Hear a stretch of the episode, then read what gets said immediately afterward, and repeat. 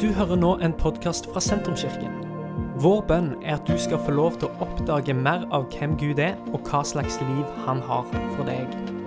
Mer informasjon om hvem vi er og hva som skjer i kirka, befinner du på sentrums.no og i sosiale medier. tilby Jesus sammen. Ehm, Det er sykt å tenke på at eh, kirka er, det er ikke bare en klubb liksom, der vi lar oss inspirere av Jesus. Faktisk sier Bibelen at vi er et lem på Jesus. Sant? Det er en ganske mind-blowing tanke. For det, vi kan tenke sånn, ja, alle, alle spiller sin rolle. Sant? og Kenneth har jo gitt en god introduksjon til det. Sånn, alle liksom spiller sin rolle, og sånn, og det er sant. Men det er mer enn det. At vi spiller en rolle her. liksom. At vi gjør, bidrar noe for fellesskapet. Ja, det er det, men det er mer enn det. Vi er alle et lem på Han. Er et lem på Jesus. og Det er en helt syk greie. egentlig. Og Det sier noe om at vi òg tilhører hverandre på en helt spesiell måte. Hvis du tror på Jesus og har sagt jeg, jeg, jeg, tror, jeg tror på deg, og du tilhører han, da tilhører du ikke bare han, du tilhører alle andre her òg. Og du tilhører meg, og jeg tilhører deg. Eh, og vi, er, vi tilhører alle hverandre fordi vi alle tilhører han. Sant? Vi er et lem på han. Derfor, by the way, enhet er ikke valgfritt. Hvis du trodde det. Enhet er DNA-et vårt. Det er, det er de vi er. Vi tilhører alle hverandre fordi vi alle tilhører han.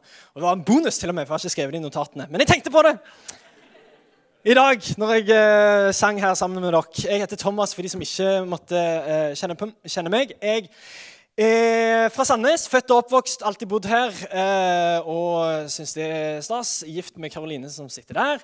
Eh, jobber her i kirka, ja. Og jobber også på bibelskolen Link, som er en eh, bibelskole som vi i Sentrumskirka eier med ti andre pinsemenigheter, faktisk. Eh, som òg er veldig veldig stas. Hvis du tenker sånn Shit, jeg trenger å bli fundamentert i liksom Guds ord. Eh, og jeg trenger å ta eh, livet med Gud seriøst. Jeg trenger å ta livet mitt og framtiden min seriøst. Da anbefaler jeg et år på bibelskole. Eh, og gjerne på bibelskolen Link, altså. Reklame. Eh, ja, jeg er gift, ja. Det sa jeg. Eh, sammen har vi ingen barn og ingen dyr. Og ingen penger. Nei da, det går bra. Eh, men eh, Eller vi gjør så godt vi kan, i hvert fall. Men eh, veldig kjekt eh, å få lov å dele. skal, vi har en sånn serie, da. Jeg kommer inn i det etter hvert. Men vi har en sånn serie her som eh, eh, Eller oktober. Da har vi eh, tenkt sånn at eh, vi må snakke om Guds nærvær. Og hvis du har vært her forrige søndag, så hørte du Per Eivind snakke om, om, om at det fins et, et generelt nærvær. Og så fins det et spesielt, eller la oss si et åpenbart nærvær. Sant? Altså, Det fins et generelt nærvær av Gud. Gud vi, vi klarer ikke å unnslippe Gud, hvis du trodde det. på en måte. Han er overalt. Gud han er i oss, han er rundt oss, han er med oss, han er foran oss, han er bak oss. Han er, han er over hele jorden. Det er ingen plass vi kan stikke der han ikke er. Han er overalt. Eh, så det fins et slags sånn generelt nærvær. Og det som er med det generelle nærværet, det er at det ikke alltid er like lett å liksom si sånn Ja, nå føler jeg at Gud er her. Fordi at han er jo med oss overalt. Og det er ikke alltid at man føler så himla mye. Derfor skal jo vi som liksom leder møte og taler sånn, vi skal være veldig forsiktige med å liksom si sånne ting som at Å, kjenner dere nå hvor deilig det er i Guds nærvær? For veldig ofte når folk sier det, så tenker jeg sånn Nei, egentlig ikke. Jeg føler egentlig ingenting. For jeg er litt sulten. Det er kanskje det eneste jeg kjenner på nå. Føler, ofte så er det sånn Nei, jeg har ikke peiling. Og, det er liksom det generelle nærværet. Uavhengig av om en føler det eller ei, så er det generelle nærværet eh, Guds nærvær. Sånn? Han er rundt oss, han er med oss, han er foran oss, han er i oss til og med. Eh, og vi kan ikke redusere Guds nærvær til en følelse. Det blir veldig trist. Guds nærvær er over hele jorden. Og, men, men Guds nærvær er likevel eh, virksomt. Det gjør likevel noe. Eh, og det leder oss til modning, det leder oss til vekst. Eh, og over tid så vil vi kanskje se wow, det har vært viktig for meg å være i Guds nærvær. Det å dukke opp her søndag etter søndag etter søndag etter søndag Det er ikke sikkert du føler det liksom, på kroppen og frysninger. og wow. Det er ikke sikkert du har det sånn. Men over tid så vil du si oi, det har vært viktig for meg å plassere meg i Guds hus, være i Guds nærvær. Så det fins et sånn generelt nærvær, så finnes det et la oss kalle det et spesielt nærvær. Eller et nærvær der plutselig eh, det som var litt sånn generelt og litt sånn vanskelig å sette fingeren på, plutselig ble det veldig konkret. Og så er det akkurat som en eh, opplever kanskje, ja, dette kjente jeg faktisk på kroppen min. Kanskje har du en sånn erfaring i løpet av ditt liv hvis du har gått med Jesus en stund. Så har du kanskje ja, jeg kan peke på noen hendelser eller en dag eller en dato eller et eller annet. Der, der gjorde Gud noe. Jeg klarer ikke å fornekte det. Det er vanskelig å sette ord på, kanskje. Det er kanskje vanskelig å sette fingeren på, Men du vet det var konkret. Du vet det var personlig. Og Bibelen snakker også om det. At det går an å oppdage og det går an å erfare Gud på en helt personlig måte. Det går an å oppdage, og til og med så går det an å bli fulgt av Gud. står det. At vi kan bli fulgt med Den hellige ånd. Og at det er noe her eh, der, der, Gud kan berøres på en sånn måte at det forvandler oss på et øyeblikk. Du skjønner, Den hellige ånd han bryr seg ikke om prosesser på mange måter. Altså, jeg, jeg, tror Gud bryr seg om at vi går en prosess og en reise. og sånn. Men, men eh, Den hellige ånd tar ikke hensyn til om, om prosessen. Han kan, han kan, røre deg på et øyeblikk, og så blir alt ordna. Altså, vi kan bruke et helt liv på å prøve å finne ut av noe som Den hellige ånd kan gjøre på et sekund. Sant? Eh, er det, hva er en helbredelse? Ja, Hvis du har knekt armen også, ja, Det kan godt være at i løpet av ti år så er den armen helt fin igjen. Men Den hellige ånd kan gjøre på et sekund. Den prosessen som egentlig tar ti år. Så Den hellige ånd bryr seg ikke alltid om prosessen. og Kanskje er det noe av det som man kan oppleve når man opplever dette spesielle nærværet, en helbredelse, et ord fra himmelen. Hva som helst da, Så kan man oppleve dette spesielle nærværet. Jeg tror òg at Gud vil jeg tror at han vil at vi skal være det generelle, men jeg tror òg Gud har noe helt spesielt for hver enkelt en av oss. Jeg tror at Gud vil lede oss til eh, sånn at det ikke bare blir en, en, en liksom teori, men at det blir praksis. At det ikke bare blir noe generelt, men at det blir noe spesielt i livene våre. Eh, og så er vi ofte litt sånn redd for å bli skuffa. Per Eivind var inne på det òg sist gang. At liksom vi kan bli litt sånn redd for å bli skuffa. Uh, noen har lagt hendene på deg og bedt for deg, og så har det ikke skjedd noe. Og for å være helt ærlig, jeg har ingen teologi på sånt. Jeg vet, jeg vet ikke, jeg. Når, altså, Jesus sier 'legg hendene på syke, skal de bli friske'. Han sier ikke 'hvis ikke det skjer, så gjør sånn'. Han sier ingenting om det. Altså, Det er ingen teologi på når det ikke går. Men det er en teologi som sier 'legg hendene på de syke, skal de bli friske'. Sant? Bibelen er tydelig på hva vi skal gjøre, og så er det ikke opp til oss å liksom avgjøre om, det, om, den frukten var bra eller dårlig. Eller sånn. Gud tar seg av det. Vår oppgave er å være lydige mot det som Guds ord sier at vi skal gjøre. Og Guds ord sier vi skal legge hendene på de syke, skal de bli friske.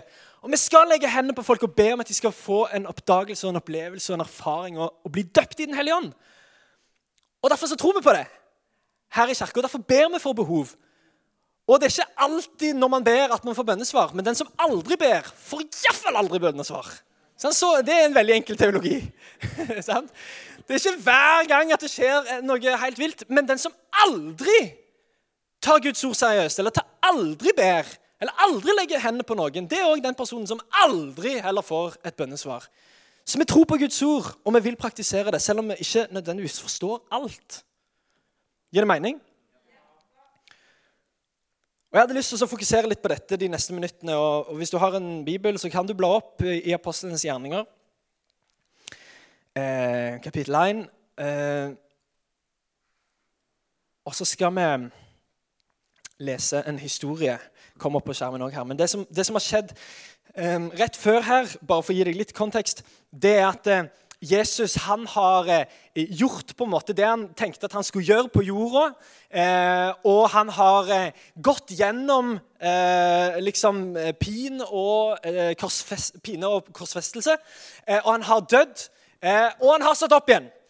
Så på en måte oppdraget er på mange måter fullført, men ikke helt. Fordi at han går inn um, i et låst eh, rom, holdt jeg på å si, der disiplene er liksom samla og er livredde fordi at eh, de tenker 'Hva skjer nå?' Eh, han som har fulgt dette, han har vært død liksom, i tre dager. Ingenting har skjedd ennå. og så her Eh, og så er liksom eh, Jesus sitt lik det er liksom vekke, så de er liksom kjempestressa. Hva skjer nå, egentlig? Eh, og de har ikke liksom kobla helt at kanskje at han faktisk er oppstått, og at han eh, vil oss noe her.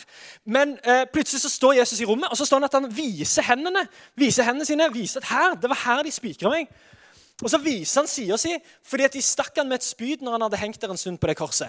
Så var det en soldat som stakk han med et spyd, og så kom det ut sånn levra blod, sånn at vannet og blodet hadde skilt seg. Det er på en måte bevis på at dette, dette, dette er et dødt menneske. Eh, så han kom og viser seg. Her er hendene mine, her ble jeg spikra. Her er sida mi. Her stakk de meg. Jeg var død, men nå er jeg levende igjen. Og de tenker Wow, hva er det som skjer? Og Jesus har bare en, ting har, en, siste ting han vil si til disiplene eh, i, i, denne settingen. Og det er dette. Sånn som far har sendt meg, sånn sender jeg dere. Det er ganske sykt. Sånn som far har sendt meg, så sender jeg dere. På samme måte sender jeg dere. Men så er han så helt ferdig, for han sier eh, Men først ta imot Den hellige ånd. Han blåser på dem og sier, 'Ta imot Den hellige ånd'. Sånn som far har sendt meg, så sender jeg dere. Men før dere går noen plass, ta imot Den hellige ånd. Og I Apostlenes gjerninger så står det på en litt annen måte, men det står at etter å ha lidd døden sto han levende framfor dem med mange klare bevis på at han levde. og I 40 dager viste han seg for dem og talte om det som hører Guds rike til. Og En gang han spiste sammen med dem, påla han dem dette. Dere skal ikke forlate Jerusalem, men vente på det som far har lovet, det som dere har hørt av meg. For Johannes døpte med vann, men dere skal om noen få dager bli døpt med Den hellige ånd. Dere skal om få dager bli døpt med Den hellige ånd, og det er akkurat det som skjer. Jesus har ånda på dem. Ta imot Den hellige ånd eh, som et slags frampeik på det som skal skje. Eh, og så går det et par dager etter Jesus han har vært sammen med dem altså i 40 dager. Han har vist seg for opp mot 500 personer. Det er mange som har sett den oppstanden i Jesus og sett naglemerkene. Eh, og han har vist seg. Og så eh, stikker han opp til himmelen. Han blir tatt fra dem i en sky. Og da er de litt sånn på bar bakke igjen. Hva skjedde nå, egentlig? Hva var greia med den helligåndsgreiene? Eh, men Jesus han har sagt til disiplene at det er faktisk bra om jeg drar. Og, og det blir jo mer og mer absurd. sant? Det er faktisk en god ting om jeg forlater denne jorda, fordi da skal jeg sende talsmannen. Da skal talsmannen, sannhetens ånd, Guds ånd, Den hellige ånd, skal komme og gjøre sin tjeneste og sin oppgave. Og så står det at de er sammen eh, i øvre salen og, og, og, ber og eh, søker Gud. Og så kommer Gud som en vind. Og så eh, skjer det da, at eh, disse disiplene blir fylt med Den hellige ånd. og De får denne erfaringen at de blir døpt med Den hellige ånd. De kjente Jesus. Altså, det, vi snakker ikke om at de, det var da de kjente hvem Jesus var. Nei, de, de, kjente Jesus, Og de hadde allerede Den hellige ånd. Men i dette øyeblikket her, så, fikk, så ble de fylt av Gud. På en særlig måte så gjorde Gud noe over deres liv og i deres liv. Og så begynte de å snakke andre språk, og eh, det skjedde masse greier. og Tegn og under og mirakler og helbredelser. Eh, og det ene og det andre. Det som er interessant, det er at det fins en sånn trail, eller et sånn spor av åndsfylte fellesskap eh, siden den dagen. Ofte når vi snakker om kirkehistorie, og når folk skal kritisere kristne, og sånn, så er det sånn ja, dere har jo så frynsete historie og mye galskap og katolske kirken og bla, bla. Og det er helt sant, det er mye galskap. Men det fins et spor av åndsfylte fellesskap. Det fins et spor av kristne der det ikke har handla om makt og autoritet, men der det handler om eh, å elske Gud og tjene andre mennesker. Gud har, altså Gud har, ikke vært stille i 2000 år. Han har holdt på. Og det har vært et, et spor av åndsfylte fellesskap. Over hele verden så har det, dette sporet vært av mennesker som har oppdaget Gud, men òg som har blitt fulgt av Gud, eh, og som har hatt dette som en levende greie på innsiden, og som har ført kristendommen videre i 2000 år. Men i 1906 så tok det helt av. I 1906, når denne enøyde, haltende predikanten William Seymour, eh, afroamerikaner som, eh, som hadde eh, virkelig gjort en sånn oppdagelse at vet du hva? Det der med å bli døpt i Den hellige ånd det er ikke bare noe Gud gjorde før, men det er jo noe Gud òg gjør nå. Det er noe, altså Gud har ikke endra strategi. Han vil fortsatt at vi skal bli åndsfylte mennesker. Og Han eh, prøvde å liksom, liksom dukte litt ned i dette. Hva vil det egentlig si å, å bli fylt med Den hellige ånd? Hva er liksom beviset på at du har blitt døpt i Den hellige ånd? Og, eh, og, og, Han gikk på en bibelskole, der, og det var jo egentlig ikke lov eh, at eh, både mørke og hvite kunne være i samme rom, samme skole. og sånn, Så han satt på gangen stakkar, med det ene øyet sitt og så inn. Eh, eh, på gangen og så inn og fikk med seg undervisningen, liksom. Eh, men det gjorde noe med han.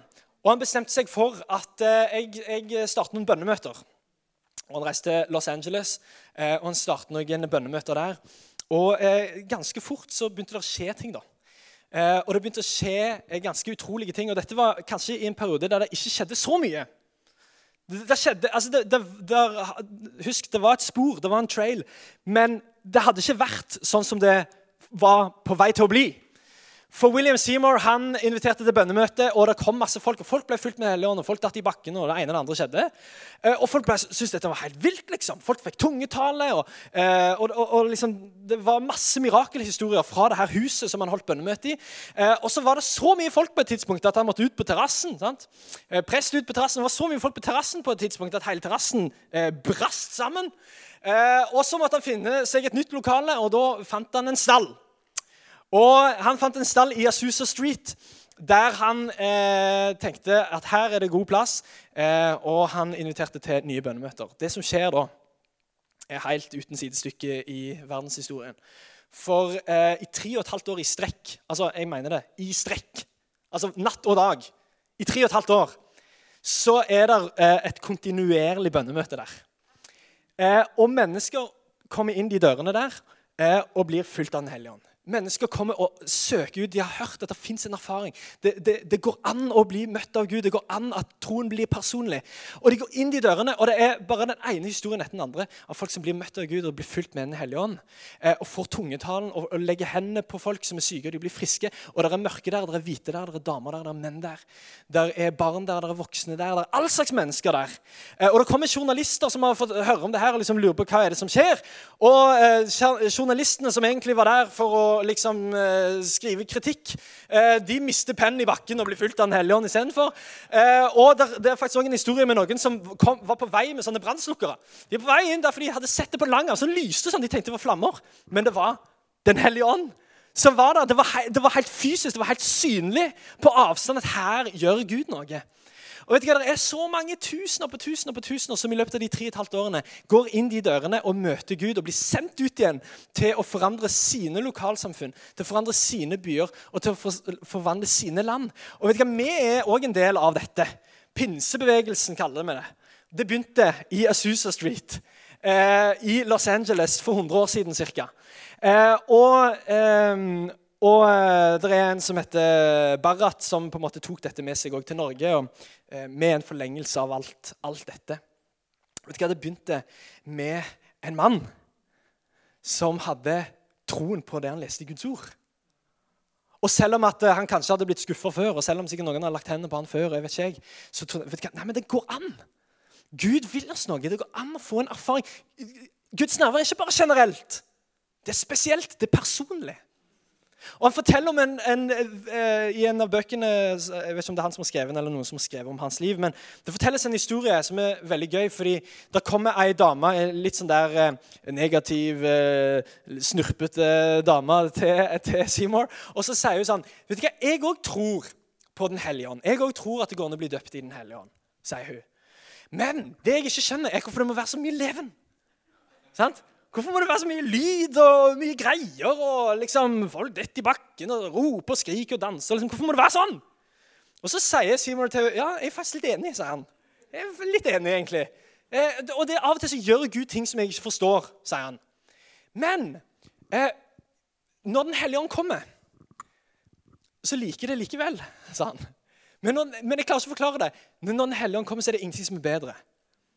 Og Så sier han kan ikke du gå inn på bønnerommet her, og det var et rom der det ikke var noen andre. Så, så sier han kan ikke du gå inn her, og så bare ber du til Gud om at han skal fylle deg med sin ånd og sin kraft. Og så Hvis ikke du føler for å lage lyd, så ikke lag noe lyd. Sånn, han bare sier bare, liksom, bare vær deg sjøl. Det var egentlig det han sa. Bare vær der inne, vær deg sjøl, bruk tid med Gud, vær aleine. Dette, liksom, dette, er mellom deg og han. Det er personlig. Så går han vekk da, og uh, sitter på kontoret liksom, og glemmer jo fort av denne dama. Sånn etter hvert. Men så hører han da et, plutselig et vanvittig skrik, liksom. Et voldsomt skrik. Og så går han inn eh, den døra, inn til eh, dette bønnerommet. Og der danser denne kyniske, eh, liksom eh, løgne dama. Og danser og roper og hoier og skriker og sånn. Og da liksom med liksom glimt i øyet så går Simon bort til, til denne dama og sier dette appellerer ikke veldig til meg. ikke sant? og, og så sier hun tilbake kanskje ikke, men det appellerer til meg. Og jeg elsker denne historien. Fordi at Gud gjorde noe, vekte et eller annet i hun. Så klart at, og, og Vi kan være litt sånn på kristne møter og sånn, så kan vi sitte sånn, ja, det appellerer ikke veldig til meg. Men tro meg, når du møter Gud, det appellerer til deg. Når du møter Gud, så er det ikke bare det, Gud presser ikke alle inn i samme form. Så her, Alle skal få denne erfaringen. Alle skal oppleve det akkurat sånn. Alle skal bli helt like. Sånn? Og Det er jo faren for oss som taler. Sånn, fordi at vi har hatt en opplevelse, så skal alle inn i den opplevelsen. begynne å hause opp et eller annet som alle skal være med på. Men det er ikke Guds hjerte. Du skjønner, Når du blir fylt med Den hellige ånd, når du, når du oppdager hvem Den hellige ånd er i ditt liv, så blir du ikke rar. Noen tror jo det. At Da blir du rar, da blir du merkelig. Uff, jeg holder meg unna det helligåndsgreiene. Jesus, fin type. Gud er god. Men Hellige ånd, uff, nei, det der blir for mye. Og så liksom, For jeg har bare sånn referanser og masse rare mennesker. Men Den hellige ånd gjør deg ikke rar. Den hellige ånd gjør deg for å sette det på spissen, mer menneskelig. Den hellige ånd gjør deg til mer av det du er kalt til å være. Du, du skjønner at Fra første Mosebok av så, sier, eh, så står det at Gud tok og skapte mennesket. Han forma mennesket av støv fra jorden. Så forma dette mennesket. Men det avgjørende punktet er når han blåser sin livspust i mennesket. Da ble det en levende skapning. Sant? Det som er interessant er at det går an å være et menneske uten å være en levende skapning. Sånn, Gud skaper mennesket fra støv fra jorden. Her har du menneske, men nå er det en levende skapning. Det er, og Her er det mange ting vi kan, mange gøye poenger vi kan lage her. Men eh, bare en raske er jo at det er derfor vi har uendelig stor verdi som mennesker. Hvorfor det? For vi låner Guds pust. Så En dag skal vi gi den tilbake, og så skal vi bare bli til støv og falle til jorden igjen. Her har du, her har du det som er ditt. Og da er vi, ikke, da er vi verdiløse. Da er vi ingenting. Sant? Men nå, akkurat nå låner vi Guds pust. Det gjør oss uendelig verdifulle. Det er, derfor, det er det som er kristent menneskeverd. Det at vi låner Guds pust med hans skaperverk, og vi låner hans pust. Det gjør oss uendelig verdifulle. Så, så, Gud han blåser sin pust på mennesket. Det blir en levende skapning, og eh, tusenvis av år senere så går plutselig eh, Gud på jorden som et menneske, som Jesus Kristus. Og, og, når han skal forlate jorden igjen, så er det et nytt pust han gir dem. Ta imot Den hellige ånd. Du skjønner, du blir ikke rar. Du blir ikke noe annet. Du blir ikke merkelig. Du blir mer menneske. Hva er et menneske? Et menneske er en som har blitt pustet på av Gud. Det er ingen dyr som har det. Så vi er ikke bare avanserte dyr. Men vi er mennesker, og vi har blitt pustet på av Han. Det er det som gjør oss levende. Vi er åndelige vesener. Og Jesus han puster på oss igjen. Og jeg tror at Jesus også vil puste på oss i dag. Jeg tror at og vet du, Det å bli fulgt med Den hellige ånd det, er ikke sånn der, det kan være en one time event som liksom ga masse følelser og gjorde masse greier, men vi trenger det hele tiden. Trenger hele veien å bli pustet på av Han. Vi trenger hele veien å posisjonere oss og være i et rom og være i en situasjon der vi lar Han puste på oss. For det er det som gjør oss menneskelige. Det er det som gjør oss til alt det som Han har kalt oss til å være. Poenget er ikke at du må gjøre masse ut av deg. Poenget er at Den hellige ånd vil gjøre noe i deg helt personlig. Han vil puste på deg, sånn at det som er dødt og tørt, skal bli levende og gi frukt. Han vil puste på deg, sånn at du skal bli mer av det som han har tenkt at du skal være. Ikke at du skal bli en rar karikatur av deg sjøl, men at du skal bli mer av den som han har kalt deg til å være. Og For meg så hadde jeg min åndserfaring det var 19. mai 2007. 100-årsjubileum for pinsebevegelsen i Norge. Og eh, det var en som ba for meg eh, Jeg lover deg, det var ikke mye dans eh, etter det. Men, eh, så jeg gikk ikke derfor liksom, med masse lyd og greier. Men jeg gikk derfor med en, en, en intern overbevisning. En sterk overbevisning. Der jeg plutselig oppdager Gud ser meg. Han har en plan for mitt liv. Jeg, jeg, jeg trodde jo jeg kjente Jesus, og jeg gjorde jo det på mange måter. Men det var liksom i det øyeblikket at wow! Alt det som jeg hadde hørt, alt det som jeg hadde sett, alt det som jeg hadde trodd på med Jesus, plutselig ble det helt levende. Plutselig ble det helt personlig. Plutselig så, så var det mer enn bare liksom noe jeg trodde på. Men det ble en personlig, ble en indre drivkraft i mitt liv. Vet du hva? Den hellige ånd vil gjøre noe i deg, og du, ikke, du trenger ikke være redd. For, for Den hellige ånd er snill. Sant? Den hellige ånd er han, han, er han, han, er rolig. Og han puster på deg. Ikke så farlig. Men det gir liv. Og det posisjonerer deg, og det setter deg opp til å leve et overnaturlig liv. Og det er det vi alle sammen er kalt til å gjøre. Den hellige ånd gjør mange ting med oss. og Jeg skal gi deg fire av de som, eh, som, eh, som jeg tenkte det var bra å få fram i dag. Og mange ting man kunne, kunne nevnt. Men det første jeg vil ta fram, er at Den hellige ånd gir deg mot til å leve med en synlig tro. Den hellige ånd gir deg mot til å leve med, altså leve litt sånn uforskammet, uten skam, der eh, troen er på utsiden av kroppen. Og det er en sånn ting som man kan fort tenke sånn, å, jeg kunne ønske jeg var sånn som han eller sånn som hun, som bare liksom klarer det. Men det, det, det du trenger, er ikke å ta deg sammen. Det du trenger, er å bli pustet på av Den hellige ånd. Det er, da, det er da du får mot til å leve med en synlig tro. Eh, sagt på en annen måte det gjør at det du egentlig ikke tør, det tør du likevel. Det er det Den hellige ånd gjør. Ting som du egentlig ikke tør, plutselig så tør du det likevel. Det løye å lese om eh, Peter, eksempel. Hans reise fra eh, eh fisker til pave er en ganske bra reise. og han, han, var jo liksom all over the place og sånn. Og når Jesus liksom på slutten av livet sier til, til, til gjengen at dere kommer alle som en til å liksom Dere kommer til å bli spredt for alle vinder, og dere kommer til å forlate meg, liksom. Og så sier Peter nei, nei, nei. Det, om alle andre vender seg vekk Du har i hvert fall meg sier Peter, veldig sånn med store ord. 'Jeg er med deg gjennom tykt og tynt.' Eh, og jeg er med deg gjennom liksom stormer, og jeg er med deg gjennom alt. Og så sier Jesus bare 'Du skal fornekte meg tre ganger, du, eh, det neste døgnet'. Eh, og så, når alt står på som verst, og Jesus blir på vei til å liksom bli slakta der, og det er masse leven rundt han, så er det noen som sier til Peter ja, men du òg er jo egentlig en av en av hans gjeng. Du òg tilhører jo han. Nei, nei, nei, jeg har aldri sett ham før. Jeg har ikke peiling. Aldri møtt han. Eh, og liksom den ene gangen etter den andre, og så plutselig så har han det fornekta Jesus tre ganger, og den siste gangen så til og med banna han på at han aldri har sett ham før. Sant? Så eh, det er ganske interessant å se Peters reise, for det var hvem han var før han hadde blitt fulgt med Den hellige ånd. Før han hadde oppdaget og blitt døpt i Den hellige ånds kraft. Da var han den som liksom brukte store ord, men klarte ikke å følge det opp med handling. Da var han den som liksom gjorde masse greier ute av seg, men egentlig på innsida så var han bare eh, liksom, handla ut ifra frykt og ut ifra eh, dårlig dømmekraft osv. Men det er helt sykt å lese om Peter på pinsedag. Når, har blitt, eh, når ånden har kommet, og han får flammetunge på hodet, eh, og folk liksom lurer på hva er det som skjer, da tar han mikrofonen. Og med autoritet snakker han om Jesus Kristus Eh, og, og, hvordan hele Bibelen egentlig har bare leda fram til dette øyeblikket. Der Gud skal liksom gi ut sin ånd til alle mennesker. Og så blir han en lederfigur som vi knapt har hatt eh, lignende siden den gang. Du får mot. Du får mot til å leve med en synlig tro. Det du egentlig ikke tør, det tør du likevel. Det er så deilig, det er så deilig å opp oppdager det, at når du lever sammen med Jesus, ja, da, du, da, da, tør du egentlig å gjøre ting som det, som det, ikke er i din natur i det hele tatt til å gjøre. Nummer én. Nummer to. Du får kraft til å gjøre mirakler.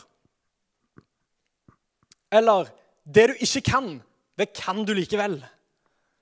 Det du egentlig ikke kan, det kan du plutselig likevel. Og, eh, I Johannes 14 så sier Jesus noe oppsiktsvekkende her. For han sier at eh, den som tror på meg, skal også gjøre de gjerningene jeg gjør. Det er sånn, Vi kan lese det, og så sånn, ja, fint det, men What?! Den som tror på meg, skal òg gjøre de gjerningene som jeg gjør. Og så sier faktisk Jesus ja, enda større gjerninger. For jeg går til far. Altså dette er sånn, Hvis vi tenker at Jesus snakker sant, det tenker jo jeg som kristen, at han gikk rundt og snakket sant, så, så er dette kanskje noen av de mest utfordrende som står i hele Bibelen. At eh, dere skal gjøre de samme tingene som jeg gjør. Ja, enda større gjerninger skal vi som tror på Han, ha kraft til å gjøre. Men vet du hva? det skjer ikke uten at det, det er gjennom Den hellige ånds kraft. Når du blir fylt med Den hellige ånd og blir døpt i hans kraft, hva skjer da? Jo, det du ikke kan, det kan du likevel. Plutselig. Og bare for å gi deg en, en tanke til, en liten parentes her, så skal vi ta de to uh, siste. Men en liten parentes. Jesus 100% Gud, men òg 100% menneske. Det må forstå om Jesus, Han var ikke 50-50, han var ikke litt Gud litt menneske. Nei, nei, Han var 100% Gud, men han var òg 100% menneske. Det som er sykt, det at Jesus også på et annet tidspunkt sier noe like oppsiktsvekkende. Det er at han sier 'Jeg kan ikke gjøre noen ting' uten at jeg, eh, at jeg har sett min far gjøre det. Så ok, tenk. Jesus er så begrensa som menneske på jorda At han, egentlig ikke, han kan egentlig ikke kaste ut demoner. Han kan egentlig ikke eh, liksom gjøre vann til vin. Han kan egentlig ikke brødfø 5000 mennesker med to fisker og fem brød. Det er fordi at han har hørt og han har sett sin far si at han skal gjøre det, og gitt den kraften til å gjøre det. Altså tenk, Jesus er så begrensa her på jorda at han måtte være avhengig av Guds kraft gjennom Den hellige ånd. Vet du hva, hvis, hvis, Jesus bare kom som Gud altså hvis Han bare kom som Gud, han kom både som Gud og menneske, men så han kom bare som Gud og gjorde mirakler og la hendene på syke og ble friske og sånn, det, Jeg hadde vært like imponert av det. Eh, det hadde jeg gitt applauser for. det, wow. Sant? Men da blir jeg en sånn observatør som sier 'Kanonbra, Supermann'. Fantastisk at du er sånn. Men at han kom som 100% Gud og 100% menneske, det setter meg i en helt annen posisjon. For det gjør at jeg, må, jeg ser ikke bare på og sier 'wow, det er sykt at du er sånn'. Det setter meg i en posisjon der jeg må si 'hæ?' Hvis et menneske kan gjøre det gjennom Den hellige ånds kraft, så utfordrer det meg til å si 'da kan jeg òg'. Sant? Det er det Gud har kalt oss til å gjøre. Til å bli lik Jesus og til å leve på den samme måten som Jesus levde. Vet, han, Jesus han sa eh, 'Ta mitt åk på dere og lær av meg'. Det var på en måte hans Hvis du er sliten, hvis du bærer tunge byrder, kom til meg, og så tar du mitt åk på dere. Og så lærer dere av meg. Og Ofte så glemmer vi å snakke om det når vi snakker om Jesus. Vi tenker at Jesus han bare kommer for å ta alle våre problemer. Og han vil det. Men måten vi skal bli frie på, måten vi skal finne hvile på, det er ikke at han tar det, det er at vi lærer av han. Begynner å gjøre det som han gjør. Det er egentlig det han sier. Det å være kristen det handler ikke om å bli inspirert av Jesus. Det handler om å bli transformert av Jesus til å leve på en helt ny måte. og Derfor sier Bibelen at vi er en ny skapning. En helt ny skapning. Der Den hellige ånd bor i oss, lever i oss og gjør ting gjennom oss. Det du ikke kan, det kan du plutselig likevel. Fordi du er avhengig, og du har gjort deg sjøl avhengig av Guds kraft i ditt liv. Og Den tredje tingen du får styrke til å stå fast i stormer og i lidelser. Du får en helt ekstraordinær styrke. Dette synes jeg er det mest, dette er det, det mest gøye med å se på kristne mennesker over hele verden. Folk som klarer å stå i ting som er helt sinnssykt. Det burde ikke vært mulig å kunne stå i de stormene og i de lidelsene som en står i.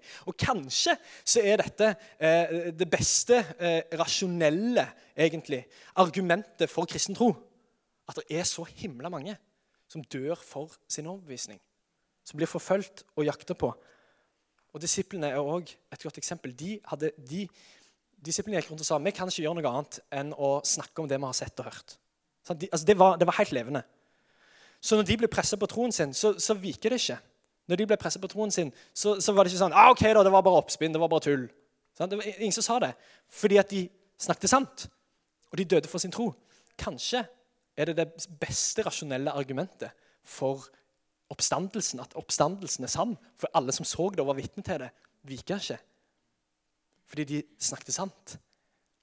Du får styrke til å stå fast i stormer, i lidelser. Det du ikke orker orker du likevel. Den hellige ånd gjør at det som du egentlig ikke orker Du orker ikke stå i det, men du orker plutselig likevel. For Den hellige ånd bor i deg. Og den fjerde tingen Du får vilje til å leve for Guds ære. Og bandet kan eh, Eller Markus. Ja, gjør seg klar. Markus gjør seg klar. Du får Den hellige ånd gjør at du begynner å ha lyst til å leve det livet Gud har for deg. Et, et, et gøy vers fra Filippanes 2,13 så står det For det er Gud som er virksom i dere, så dere både vil og gjør det som heter Guds gode vilje. Altså, Den hellige ånd i oss gjør at vi både vil og gjør. Altså en ting er at vi, Det man e- egentlig ikke kan, det kan man likevel. Altså At man kan gjøre ting i Jesu navn. At man kan legge hendene på syke, så blir de friske. At vi kan eh, oppdage Eh, og oppleve helbredelse og oppleve Guds kraft i våre liv. Én ting er at vi kan gjøre det, men Den hellige ånd gjør òg at du vil gjøre det. Skjønner du? Det du egentlig ikke vil, det vil du likevel. Det å leve for Guds ære, det å leve et hellig liv, det å leve i tråd med Guds ord Det er ikke du vil det engang, men Den hellige ånd gjør at det du egentlig ikke vil, vil du likevel. Du skjønner, Den hellige ånd gjør deg ikke merkelig eller rar, gjør deg til mer av den Gud har kalt deg til å være. Gjør deg mer menneskelig. Og mens jeg går mot en avslutning her, så skal vi synge litt. om, Og da kan du få lov til Hvis du har lyst, så er det noen nydelige, fantastiske medarbeidere som er bak der i grønn sofa. Eh, hjemmelaga sofa. Som har bare lyst til å be for deg. Hvis du tenker sånn, du kjenner dette nå, at dette banker i ditt liv, og du tenker åh, vet du hva, jeg trenger denne erfaringen med Gud. Det er tørt, det er dødt. Men jeg trenger at Den hellige ånd blåser på meg på nytt og gjør meg levende. Jeg trenger at han kommer og flytter inn og gjør et mirakel i mitt liv. Og Du trenger ikke gå til de, du kan, du kan spørre noen rett rundt deg. Samme det, men, men det er iallfall en veldig bra mulighet. Helt konkret greie. Det er, noen andre, det, det er noe nice med at noen andre ber for deg. Og setter ord på det som du kanskje ikke klarer å sette ord på sjøl. Legger hendene på deg. Og så er det sånn som Per Eivind har sagt forrige uke, at hånda blir plutselig berøringspunktet mellom himmel og jord. Gud har sagt at det fungerer sånn, og da tror vi på det. Og så kan vi legge hendene på deg, og så kan du få lov til å bli døpt i Den hellige ånd. Få en erfaring med Han.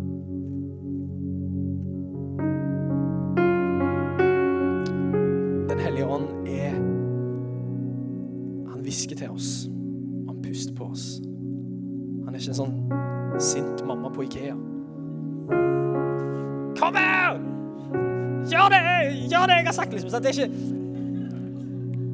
Ja, men skjønner du? Det som er med Den hellige ånd, han er hørbar for den som vil høre. Skjønner du? Han, han er her. Og Noen ganger så handler det kanskje om å ta av støyen fra alt det ytre. sånn at du faktisk... Det nytter ikke å klage på at Gud er stille når det som regel er vi som bråker. sant? Men dette er et hellig øyeblikk. Nå er vi her. Og Gud er her.